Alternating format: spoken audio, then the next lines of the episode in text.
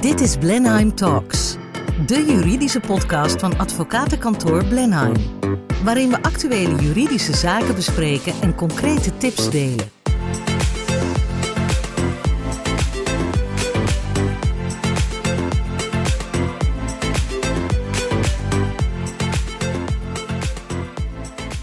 Beste luisteraars, welkom bij de nieuwe podcast die wij hebben. Die gaat vandaag over de corona-steunmaatregelen. Ik zit hier vandaag met Rachelle Maurits, advocaat arbeidsrecht bij Blenheim. En mijn naam is Mark van Weren, advocaat bestuursrecht. Zoals u wel weet zijn er door de overheid een aantal steunmaatregelen in het leven geroepen. Dat zijn subsidieregelingen om ondernemers financieel te ondersteunen tijdens de coronacrisis. De belangrijkste regelingen zijn de NOW-regeling, dan de TVL-regeling, tegemoetkoming vaste lasten, de TOZO, dat is een overbruggingsregeling voor zelfstandige ondernemers, en ook bijvoorbeeld de tegemoetkoming ondernemers getroffen sectoren COVID, de TOGS. We zullen ons vandaag beperken tot de NOW en de TVL-regeling. En waarom doen we dat juist nu? Dat is omdat die subsidieregelingen langzaamaan tot een einde komen. En er nu dus definitieve besluiten genomen worden, onder andere door UWV en RVO. Omdat subsidieregelingen onder bestuursrecht vallen, geven we ook aan wat de procedure is als je bezwaar of beroep wilt aantekenen. Laten we beginnen met de NOW-subsidie. Rachel, wat is de achtergrond van de NOW-subsidie? Nou, de NOW-regeling is aanvankelijk ontstaan vanuit een arbeidsrechtelijke regeling, de regeling voor werktijdverkorting. Uh, en omdat werknemers noodgedwongen niet konden werken en thuis moesten blijven, uh, werd er door werkgevers massaal een beroep gedaan op die regeling voor werktijdverkorting. Die voorzag helemaal niet in zo'n grote aanvraag. En als gevolg daarvan is die regeling in maart 2020, of althans, hè, dat is het moment dat men daar eens over is gaan spreken, vervangen voor de, voor de NOW-regeling. En de NOW-regeling die voorziet in een tegemoetkoming in de loonkosten. En daarmee is toen de werktijdverkortingsregeling ingetrokken. Um, de NOW-regeling is een, uh, een subsidieregeling, dus bestuursrechtelijk van aard, maar heeft uh, ja, wel een arbeidsrechtelijke achtergrond en zitten veel arbeidsrechtelijke componenten in. En dat is ook uh, de reden dat ik hier ben aangeschoven.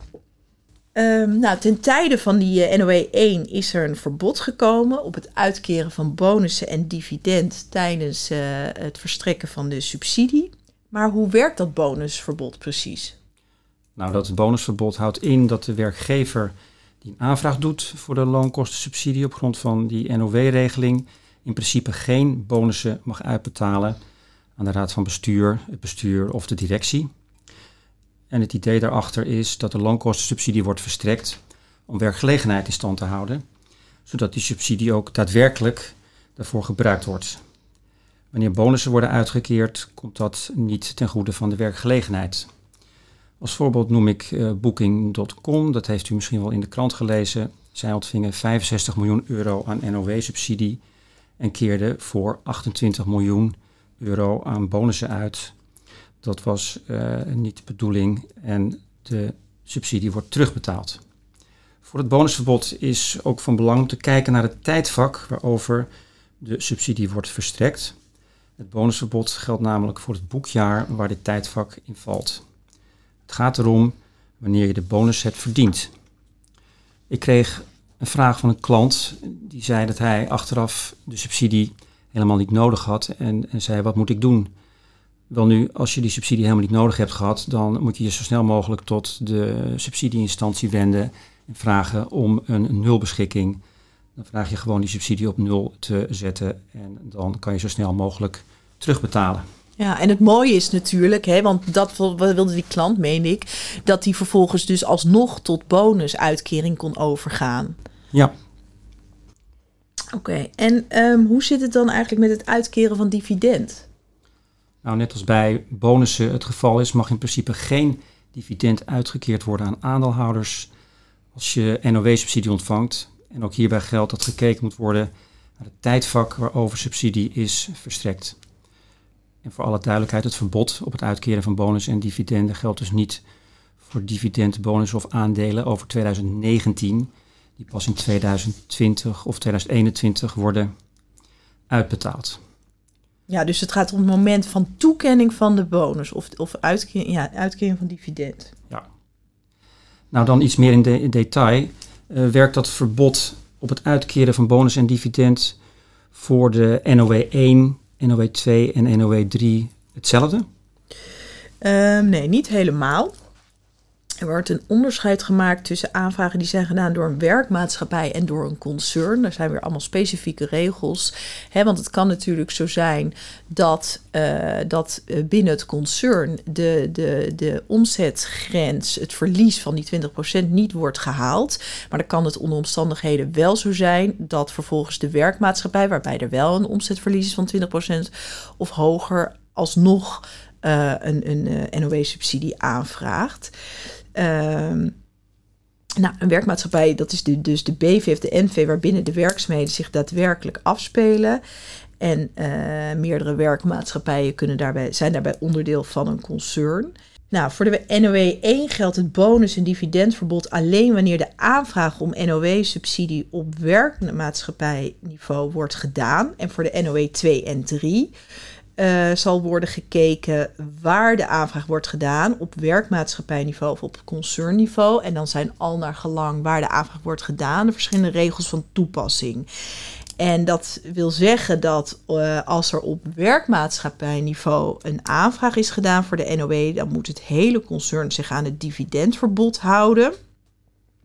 En voor het bonusverbod heeft te gelden dat uh, in, in de gevallen bij de aanvraag op werkmaatschappijniveau ligt dat het bestuur of de directie en de directie van de moedermaatschappij, het groepshoofd en de werkmaatschappij die de NOW-subsidie hebben aangevraagd, hier, hierdoor belet worden om uh, bonussen uit te keren. Als er vervolgens op concernniveau een aanvraag is gedaan, dan mogen er geen bonussen en dividenden worden uitgekeerd, niet intern aan het eigen bestuur en ook niet aan de moeder van het concern. En uh, het bedrijfsonderdeel dat zelf geen NOW heeft aangebracht, mag dan weer wel bonussen en dividenden uitkeren. Oké. Een belangrijk uh, ander aspect waar werkgevers mee te maken hebben is natuurlijk ontslag van personeel mag je personeel ontslaan als je de NOW-subsidie ontvangt? Uh, nou, aanvankelijk was het zo dat er uh, uh, een boete was gesteld op het ontslaan van werknemers terwijl er een loonkostensubsidie werd ontvangen. dit is inmiddels komen te vervallen, omdat gaandeweg toch wel bleek dat er een noodzaak was om te reorganiseren. Um, wel is het zo dat dit gevolgen zal hebben voor, uh, voor de totale loonsom. Die zal daarmee dalen als gevolg waarvan er alsnog een correctie plaatsvindt op de subsidie aan het eind. Dus het is nog steeds raadzaam hè, om te kijken als je tijdens de, de subsidieperiode moet reorganiseren of dat wel in verhouding staat tot de aanvraag van de NOW-subsidie. Uh, nou ja, en dan. Uh, de vaststelling van de subsidie achteraf. Hè, hoe, hoe, hoe werkt dat en hoe verhoudt zich dat tot het, uh, uh, het voorschot wat in eerste instantie wordt toegekend door uh, het UWV? Ja, het UWV heeft de taak achteraf de daadwerkelijke hoogte van de NOW-subsidie vast te stellen voor de bedrijven die eerst dus een voorschot hebben ontvangen. En omdat de uiteindelijke vaststelling achteraf plaatsvindt en wordt gebaseerd op de, het werkelijke omzetverlies, kan de subsidie ook op een lager bedrag vastgesteld uh, worden dan het voorschot dat is betaald. Met de verklaring van de accountant moet degene die de NOW-subsidie heeft ontvangen het werkelijke omzetverlies over de subsidieperiode opgeven. Het voorschot is immers gebaseerd op een verwachting van het omzetverlies. En dat zien we nu uh, al veel gebeuren. Die opgaves worden gedaan. En als het verlies veel minder was dan verwacht, zullen ondernemers hun voorschot op de subsidie geheel of gedeeltelijk moeten terugbetalen. En in deze gevallen, uh, en ook als je het niet eens bent met de definitieve subsidie die wordt vastgesteld, kan bezwaar aangetekend worden tegen het vaststellingsbesluit, waarmee dus de hoogte achteraf is vastgesteld. De bezwaartermijn voor uh, bezwaar is zes weken. Dan moet je dat bezwaarschrift indienen bij het UWV. En dan komt er een beslissing op bezwaar. Als je het daar niet mee eens bent, dan kan je naar de, bestuursrechter. En in het algemeen is het zo dat in 9 van de 10 subsidieprocedures gaat het altijd om de hoogte van het subsidiebedrag. Want alle subsidies die werken eigenlijk met, met voorschotten. Dus uh, dat is op zich niet ongebruikelijk dat dat gebeurt. Ja. En moet je altijd eerst bezwaar aantekenen voordat je in beroep kan? In beginsel wel, maar je kan ook vragen aan het bestuursorgaan of ze bereid zijn die bezwaarfase over te slaan. Dan kan je direct naar de rechter toe. Ja. Maar dat zal hier denk ik niet snel worden toegekend. Nee, het UWV zal zelf uh, dat bezwaar willen behandelen. Want ze hebben ook de mogelijkheid om in de bezwaarfase een heroverweging te maken en eventueel uh, hun besluit opnieuw te motiveren. Uh, nou ja, wat we eigenlijk zien hè, is uh, de, de, eerste jurisprudentie begint te komen over de uitleg en toepassing van die NOW. En wat, ja, wat, wat, wat wordt er nu vooralsnog over die NOW over gezegd? Wat is de lijn die je daarin kan ontwaren? Nou, nog niet echt een lijn. In ieder geval is in de eerste uitspraak in hoger beroep heeft de rechter eigenlijk gezegd dat die NOW-regeling uh, met snelheid tot stand is gekomen. Uh, en dat was natuurlijk ook bedoeld om de ondernemers ook zo snel mogelijk te kunnen ondersteunen. En dat betekent dat ook zeer veel verschillende soorten bedrijven onder de regeling vallen, waardoor het volgens de rechter niet mogelijk was om maatwerk te leveren. Wel blijkt uit die uitspraak dat de NOW-regeling eh, behoorlijk streng wordt toegepast. En bijvoorbeeld alleen in het geval van een calamiteit kan een beroep worden gedaan op een andere pijldatum die gehanteerd moet worden voor de vaststelling van die definitieve subsidie. Nou, die NOW-subsidie die is in verschillende fases uh, is die gaan lopen. En uh, wat is nu uh, actueel? Welke aanvraagperiode loopt er nu? Ja, momenteel loopt de, de vijfde aanvraagperiode. Uh, en dat betreft een tegemoetkoming in de loonkosten voor de periode april, mei, juni 2021. En daarbij kan uh, nu de aanvraag worden gedaan voor het voorschot uh, tot en met 30 juni. Dus die loopt nu. En daarbij is het dan nog niet bekend wanneer vervolgens de definitieve vaststelling aangevraagd kan worden. Maar dat is altijd weer een periode later. Het is wel belangrijk uh, dat je, wanneer je een voorschot hebt ontvangen, je ook vervolgens een definitieve aanvraag doet voor de vaststelling van de subsidie. Als je dat niet doet, dan moet je uiteindelijk het volledige voorschot terugbetalen. Nou, dit ging dus allemaal over de NOW-regeling. Uh, maar daarnaast hè, gaf je al eerder aan dat er ook andere steunregelingen zijn. Kan je daar misschien nog iets over vertellen? Ja, ik ga even iets vertellen over die TVL-regeling, tegemoetkoming vaste lasten. Deze regeling is er voor ondernemers in het uh, midden- en kleinbedrijf en ZZP'ers met een eigen werkruimte los van hun woongedeelte.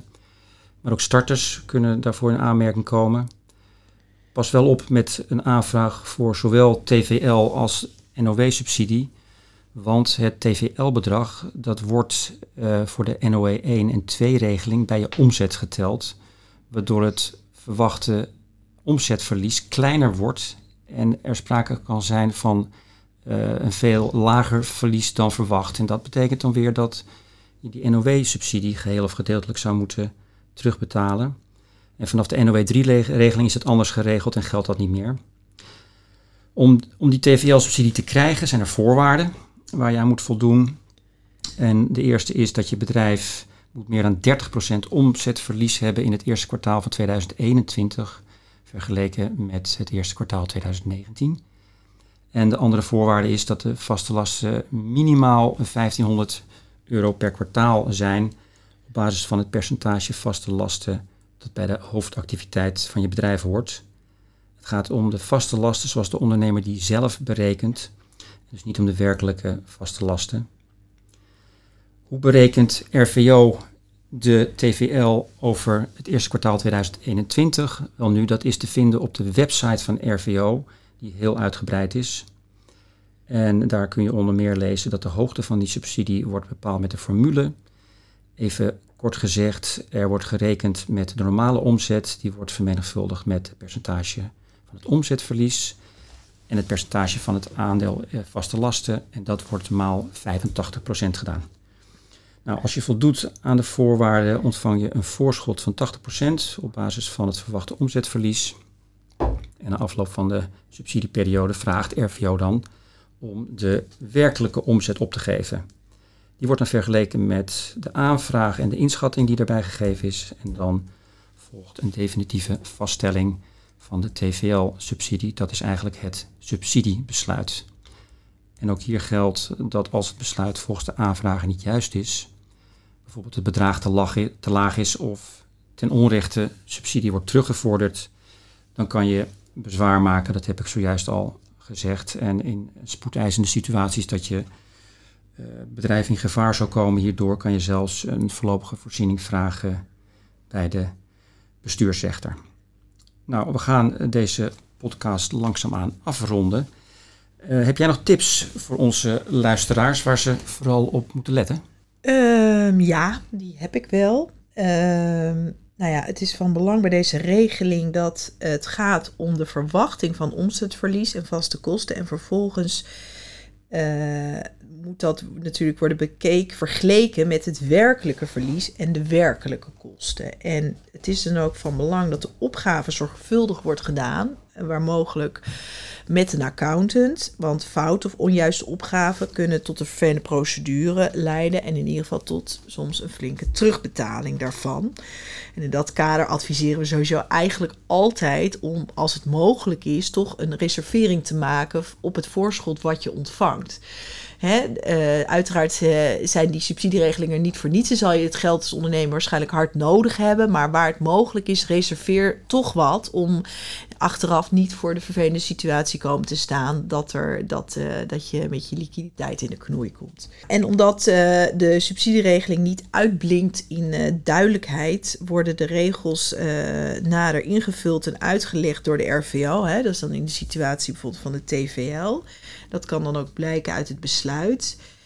En in dat kader is het van belang om het besluit waarin de subsidie wordt vastgesteld echt goed te bekijken. En kijk vooral of de RVO de subsidieregels zelf heeft uitgelegd en of dat in uw nadeel werkt.